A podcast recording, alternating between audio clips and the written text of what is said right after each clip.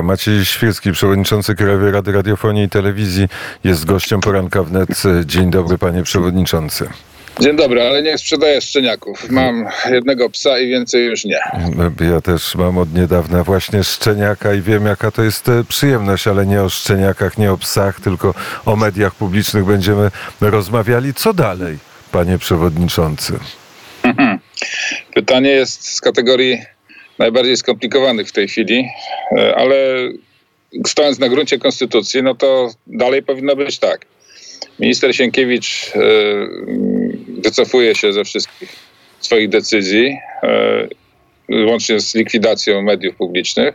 Przywracany jest konstytucyjny stan prawny i dalej można myśleć o, jeżeli w ogóle o reformie mediów publicznych, no bo jest taka chęć ze strony koalicji, no to trzeba zrobić to po Bożemu, czyli przedstawić y, ustawę pod głosowanie Sejmu. Ona musi przejść przez głosowanie Sejmu, potem Senat może dodać swoje poprawki, potem te poprawki muszą być zaakceptowane przez Sejm. Następnie pan prezydent podpisuje ustawę i jeżeli podpisze tą ustawę albo nie podpisze, no to dalszy ciąg w ten sposób powinien wyglądać. No to opisaliśmy stan e, normalnej procedury. Jesteśmy w momencie, kiedy te normalne procedury nie obowiązują i w takim wypadku e, jak pan sobie wyobraża dalsze, dalsze procedowanie? Czy e, jest jakaś aktywność ze strony Krajowej Rady, Rady Mediów Narodowych, prezydenta albo kogokolwiek, żeby zmienić to rozdanie, które zaproponował minister Sienkiewicz? Ja mogę odpowiadać w imieniu e, Krajowej Rady Radiofonii i Telewizji, którą reprezentuję. Mogę powiedzieć tyle, że Krajowa Rada Radiofonii e, nie uznaje zmian, które przeprowadził pan minister Sienkiewicz, a także e, tego, wszystkiego, co się wydarzyło po 19 grudnia za zgodne z prawem. Uznajemy decyzję pana Sienkiewicza za bezprawne i będziemy działać w celu przywrócenia ładu prawnego. To znaczy, e, przystępujemy do spraw, które zostały złożone w sądach e, o unieważnienie tych e, działań. Sam złożyłem doniesienie do prokuratury w sprawie podejrzenia popełnienia przestępstwa działania na szkodę spółek, ponieważ oczywiście wyłączenie kanałów czy też rozpędzenie redakcji jest oczywistym działaniem na szkodę spółek, także pod względem finansowym, no bo przez y, TVP Info poniosła straty poprzez wyłączenie kanału. Y, po pierwsze straciło ten kanał swoją pozycję rynkową, po drugie nie, nie były nadawane reklamy i prawdopodobnie telewizja będzie musiała płacić także y, kary umowne z tego powodu. Druga sprawa to jest pisma, które złożyłem do sądów o niewpisywanie tych y, nowych zarządów, y, tych zarządów, które bezprawnie zostały wyłonione przez pana Sienkiewicza i y, dalszy ciąg działań tego typu będzie prowadzony. Także przesunęliśmy wypłatę transzy abonamentu dla mediów publicznych, ponieważ z dwóch powodów. Po pierwsze, nie wiemy, kto jest y, tak naprawdę dysponentem środków publicznych w tych mediach w tej chwili. Nic nie wiemy o tych ludziach, którzy y, ma, będą mieli dostęp do pieniędzy publicznych i zarządzania majątkiem. Się technicznie nazywa osoby obce zarządzające majątkiem publicznym bez upoważnienia. Z punktu widzenia prawa takie, jak ono jest, a nie tak, jak się wydaje, czy myślą, że, że, że jest y, niektóre osoby. No i dalszy ciąg to czekamy na decyzję e, dzisiejszą Trybunału Konstytucyjnego, który dzisiaj miał ogłosić orzeczenie dotyczące właśnie zmian w mediach publicznych, które e, zostało złożone przez, ten wniosek został złożony do Trybunału przez posłów. I na dzisiaj była ustalona rozprawa, natomiast e, w grudniu jeszcze Trybunał Konstytucyjny przeprowadził zabezpieczenie czyli wprowadził zabezpieczenie, czyli y, zakaz zmian w mediach publicznych do momentu tego orzeczenia, co oczywiście zostało złamane przez y, władzę wykonawczą, co jest kolejnym deliktem. Tyle mogę powiedzieć w tej chwili. Nie będę opowiadał o wszystkich planach ze względu także na to, że to, się, to jest dynamiczna y, reakcja na to, co rzeczywiście się dzieje. Jakie na, następne postępy będą tej sprawy mediów publicznych. No wiadomo, że likwidacja mediów publicznych ma być przeprowadzona, bo nie istnieje zjawisko restrukturyzacji przez likwidację. W kodeksie spółek handlowych, na który zresztą się powołują państwo z rządu, jest mowa o restrukturyzacji jako osobnym zjawisku, osobnie opis, osobno opisanym. Jeżeli jest likwidacja, to znaczy, że trzeba zlikwidować zamknąć interes, y, pospłacać więcej zbyć majątek, podzielić się pozostałym y, wśród wspólników. Y, pan minister Sienkiewicz powołuje się na kodeks spółek handlowych całkowicie bezprawnie, no ale jeżeli już idzie w procedurę KSH, to sąd, jeżeli zarejestruje likwidatora, już wiemy, że w pięciu rozgłośniach regionalnych został zarejestrowany likwidator, to znaczy, że te rozgłośnie regionalne Polskiego Radia mają być po prostu zlikwidowane. To nie jest tak, że tam że przeprowadzona będzie restrukturyzacja i dalej będzie działanie. E, to to są działania pozorne. Jeżeli w ten sposób e, ktoś planuje działanie, to znaczy, że przeprowadza działania pozorne i to jest kolejny delikt. Że, także mamy do czynienia z niezwykle skomplikowaną sytuacją, którą obywatele mm, obserwują, ale też e, nie ma społecznie zbyt dużej świadomości, na ile to jest wszystko bezprawne. Bo to bezprawie powoduje, że nie tylko spółki Skarbu Państwa, jakimi są te trzy media publiczne, tracą swoją pozycję rynkową, pieniądze i w ogóle byt, ale także e, to jest strata olbrzymia dla kultury narodowej. To, że na przykład istnieje niebezpieczeństwo w trakcie tej likwidacji zbycia archiwów Polskiego Radia albo zbycia archiwów telewizji w jakieś niewiadome ręce ktokolwiek. Mamy przykład ze zbyciem polskich nagrań za czasów poprzednich rządów tego środowiska, które w tej chwili także rządzi. I wiemy, że w tej chwili, no, jak to wygląda, jaki jest skutek tego, że polskie nagrania zostały sprzedane. I to samo grozi archiwom Polskiego Radia, czyli dorobku 100 lat istnienia Polskiego Radia, dorobku polskich artystów, no, całej kultury wysokiej. To samo dotyczy y, na przykład archiwów telewizyjnych, jeżeli chodzi o dorobek y, filmo, filmowy telewizji polskiej, te wszystkie seriale, które ludzie dalej chętnie oglądają. I nagle może się okazać, że ktoś to kupi na jakimś przetargu i będzie tą filmotekę udostępniał y, poprzez Netflix i sam zarabiał na tym. Natomiast nie będzie to własnością narodu. No, albo zostanie przeniesiona do innej założonej e, specjalnie po to e, spółki, a potem co się stanie, e, to nie wiadomo. W procesie likwidacji, czy mogła, czy może likwidator podpisywać, nie wiem, kontrakty, festiwal w Sopocie, Igrzyska Olimpijskie, przyjmować nowych dyrektorów, czy to jest wykluczone? Jeżeli y, trzymać się przepisów KSH dokładnie, no to nie można podejmować żadnych nowych zobowiązań. Trzeba spłacić te wszystkie, które istnieją. Y, najczęściej to jest zbywanie majątku, y, żeby zaspokoić te zobowiązania i żadnej nowej działalności. Zamknąć interes trzeba po prostu. Więc jeżeli po, likwidatorzy mediów publicznych poszli, poszli drogą, likwidatorzy nie w sensie prawnym, tylko w sensie tej całej grupy, która zdecydowała o tym, poszli drogą e, procesu likwidacji, to albo nie przeczytali kodeksu spółek handlowych, albo to jest działalność pozorna. Teraz e, może w Sejmie dojść do e, paraliżu Rady Mediów Narodowych. Jakby do tego doszło, do odwołania członków Rady Mediów Narodowych, to jakie byłyby konsekwencje, skoro organ, który był powołany do powoływania prezesów, przestanie funkcjonować, to co z tego będzie wynikać? No to byłby dalszy etap chaosu prawnego, nie tylko w mediach, ale w Polsce po prostu, no bo rządzenie uchwałami nie istnieje w Konstytucji. Źródłami prawa e, są w Polsce konstytucja, ustawy i rozporządzenia, a nie uchwały. Uchwałami y, można było rządzić w państwie takim jak Niemcy lat, po roku 1933. I to istnieje takie zjawisko w politologii, które się nazywa decyzjonizm, prawda, że od decyzji kogoś, kto przewodzi y, grupie rządzącej, zależy wszystko w państwie. No i niestety idziemy w takim kierunku. To znaczy, że jest czyjaś wola polityczna, żeby to przeprowadzić, bez względu na to, co stanowi prawo. Takie naginanie prawa, y, to już nie jest naginanie prawa, że zrobimy coś tak na granicy prawa, tylko po prostu wbrew prawu, wbrew temu, co y, prawo stanowi, co stanowi konstytucja. Przypominam, że artykuł 7 Konstytucji mówi o, o tym, że organy państwa działają w granicach i na podstawie prawa. Jeżeli patrzymy na decyzję o e, likwidacji mediów publicznych, no to tutaj nie ma mowy o tym, żeby to było na podstawie e, prawa i w, jego granicach. Bo jest ustawa o radiofonii i telewizji, która jasno mówi, kto powołuje organy spółek. I w tej ustawie powołane są także spółki Polskiego Radia, spółka Polskiego, Polskie Radio SA, Telewizja Polska SA i 17 spółek regionalnych. Jest mowa o tym, że minister skarbu, ówcześnie jeszcze istniejący w 1992 roku, może powołać jeszcze w innych miejscach rozgłośnie regionalne Polskiego Radia. Ale nie ma mowy w tej ustawie o rozwiązaniu spółek, likwidacji. One mają własną ustawę i to jest lex specialis.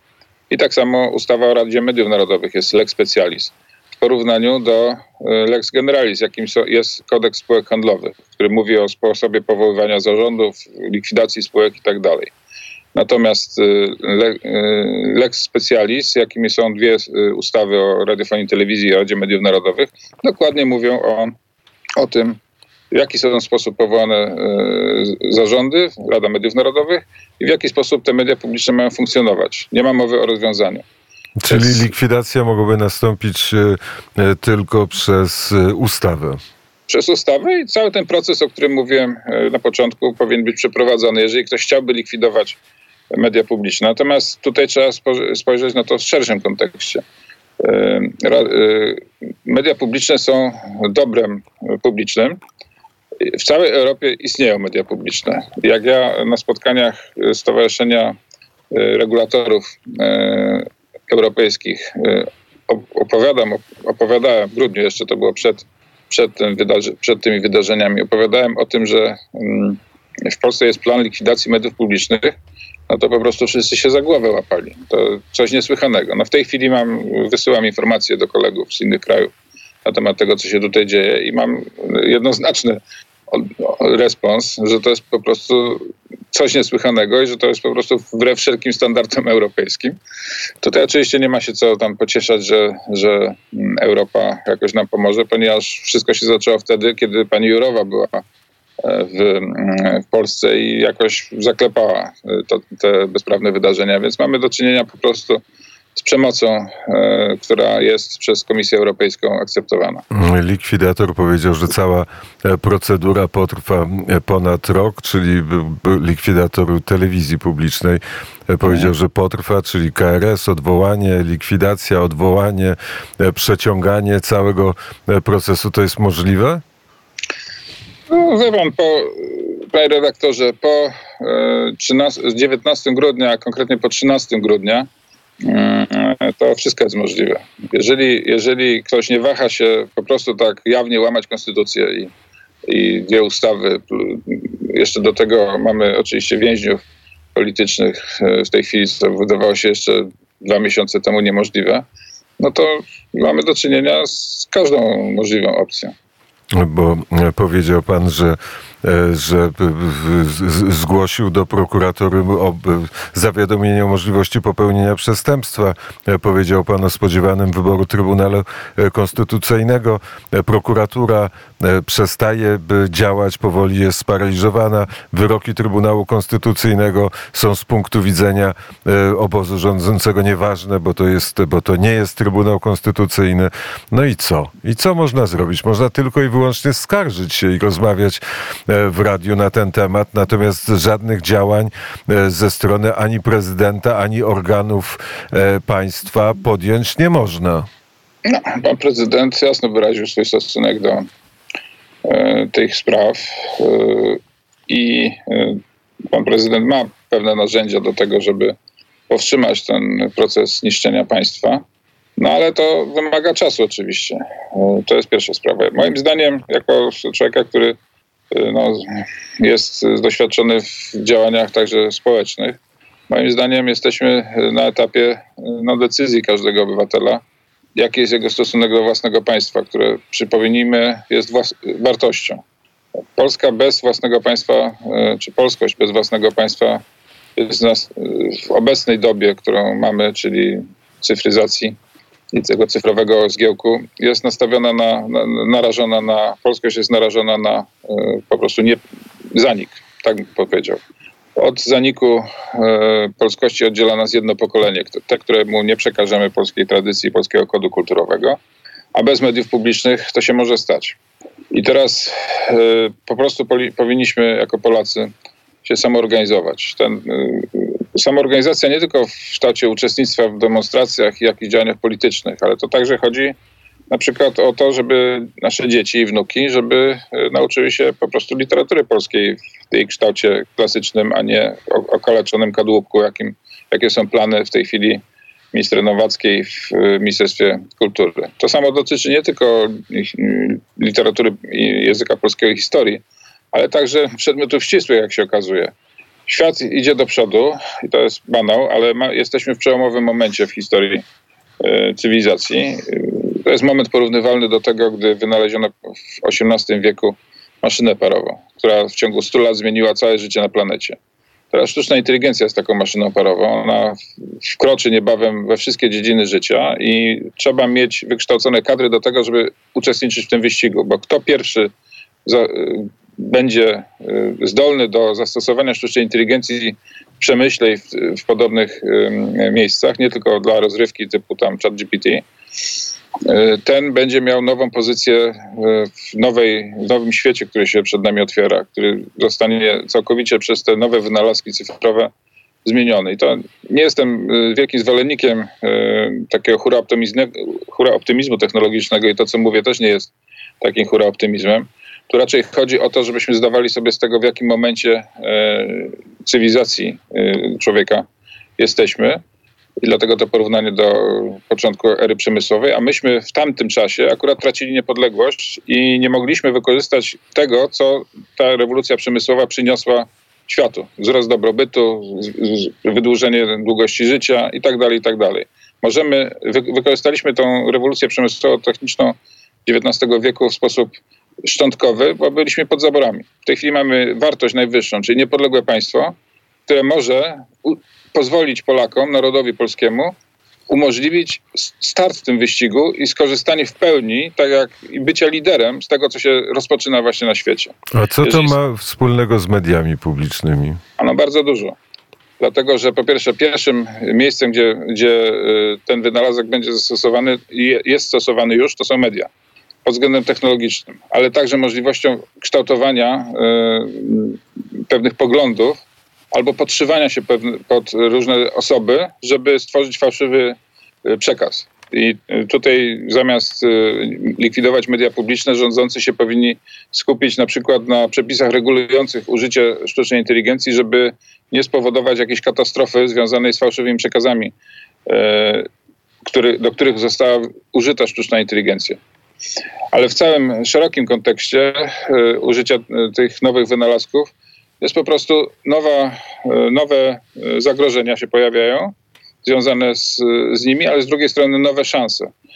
Użycie sztucznej inteligencji w przemyśle czy w biznesie spowoduje na przykład w Polsce zwiększenie wydajności pracy, co pozwoli nam dogodzić zachodnią Europę, bo cały czas mimo wysokiego wzrostu gospodarczego mamy za małą wydajność pracy ta wydajność pracy może być zwiększona na przykład poprzez szybsze ocenianie nowych pomysłów biznesowych i nowych wynalazków, które zwiększą polskie PKB. A, panie przewodniczący, jak pan ocenia telewizję publiczną sprzed 19 grudnia, z czasów kampanii wyborczej TVP Info? Podobało się panu czy nie? Pytanie jest prowokacyjne. Ja powiem tylko tyle. E, w dobie monopolu e, informacyjnego e, nie ma co w tej chwili rozpamiętywać przeszłości. Trzeba zastanowić się, jak zwalczyć monopol informacyjny. Bo monopol informacyjny właśnie powstał. To, co się wydarzyło po 19 grudnia, to jest budowa monopolu informacyjnego i mamy do czynienia z sytuacją, w której przekaz jest jednolity i obywatel praktycznie nie ma wyboru przed 19 grudnia, czy przed tym, tymi e, wydarzeniami był przynajmniej jakiś wybór. Po jednej stronie było TVP Info i Telewizja Polska, a po drugiej stronie były pozostałe stacje komercyjne. No i mamy w tej chwili monopol. To są wyjątki, takie jak Radio Wnet czy Telewizja Republika. Natomiast e, jest domykany ten system przez rządzących po to, żeby obywatele, moim, w mojej opinii, po to, żeby obywatele nie mając wyboru E, zaakceptowali zmiany, które e, są szykowane na innych polach. Na przykład centralizacja Europy i przyjęcie e, tych nielegalnych imigrantów, którzy zostali teraz nazwani w tych dokumentach europejskich niestandardowymi czy nieregularnymi imigrantami. No w każdym razie chodzi o także o to, żeby tutaj relokować, re, była relokacja tych uchodźców i to, to spowoduje po prostu całkowitą zmianę społeczną w Polsce. E, no, jakie są tego skutki, widzimy na ulicach Paryża czy Brukseli. Na ulicach Warszawy też widzieliśmy bardzo dużą manifestację tych, którzy są przeciwni temu, co dzieje się nie tylko w mediach publicznych, ale też w sądownictwie. Pan z kolei 12 stycznia chciał wziąć udział w posiedzeniu e, e, Rady Nadzorczej Telewizji Publicznej, ale nie został ani pan, ani ta legalna Rada Nadzorcza nie została do gmachu TVP wpuszczona. No tak, byłem ja i moja zastępczyni pani e, doktor Agnieszka Glapiak na zaproszenie e, legalnej Rady Nadzorczej na udział w posiedzeniu w celu poinformowania, jakie czynności do tej pory Krajowa Rada w wiadomej sprawie podjęła. No i tam po przejściu przez e, bramę na ulicy Woronicza, gdzie była to trudność, bo policji musieliśmy się wytłumaczyć, dlaczego członkowie ciała konstytucyjnego zamierzają wejść na teren telewizji tam e, po, po, przejściu tego pierwszego kordonu przeszliśmy przez dziedziniec z parkingami. Chodzi o stare budynki telewizji. No i e, tam zatrzymali nas ochroniarze e, telewizji i policja przy wejściu do budynku. No, tam była podobna rozmowa, ale tutaj już się po prostu nie udało wejść nam. Oni zdecydowanie nie wpuścili nas. No, nie chcieliśmy też się siłować z nimi, bo to po prostu nie wypada. W związku z czym e, no, nie, od, nie odbyło się posiedzenie e, Rady Nadzorczej, które z definicji musi być e, w siedzibie spółki. No i tak wyglądała ta sprawa. Oczywiście poleciliśmy przeczytać tej, tej szefowi tej ochrony konstytucję. Człowiek się nazywał Paweł Wolski, który nas nie wpuszczał. Taki powiedział, że jest z Departamentu Bezpieczeństwa Telewizji Polskiej Odczytał skargi oświadczenie pana Gorgosza o tym, że nie istnieje legalna rada nadzorcza. No i ten pan Gorgosz e, kazał pewnie mu to zrobić. No oczywiście sytuacja jest oburzająca i niesłychana, no bo nie dość, że e, nie wpuszczono legalnej rady nadzorczej, która jest dalej legalna, ponieważ sąd nie, nie wpisał tej nowej rady nadzorczej do rady nadzorczej nowych władz do e, KRS-u. Zobaczymy, jak pójdzie z likwidacją. Więc rada nadzorcza legalna miała obowiązek y, y, być wpuszczona, był obowiązek wpuszczenia do budynków i przeprowadzenia posiedzenia, na którym ta Rada chciała się zapoznać ze stanem spółki po tych wydarzeniach wszystkich. Y, to, że nie wpuszczono członków ciała konstytucyjnego, to jest drugi skandal. Więc to jeszcze dodatkowo no pokazuje i... wymiar tego wszystkiego. Tak, to gonią skandal, goni skandal. Bardzo serdecznie dziękuję za rozmowę. Dziękuję bardzo. Wszystkiego dobrego Państwu życzę. Maciej Świrski, przewodniczący Krajowej Rady Radiofonii i Telewizji, był gościem poranka wnet.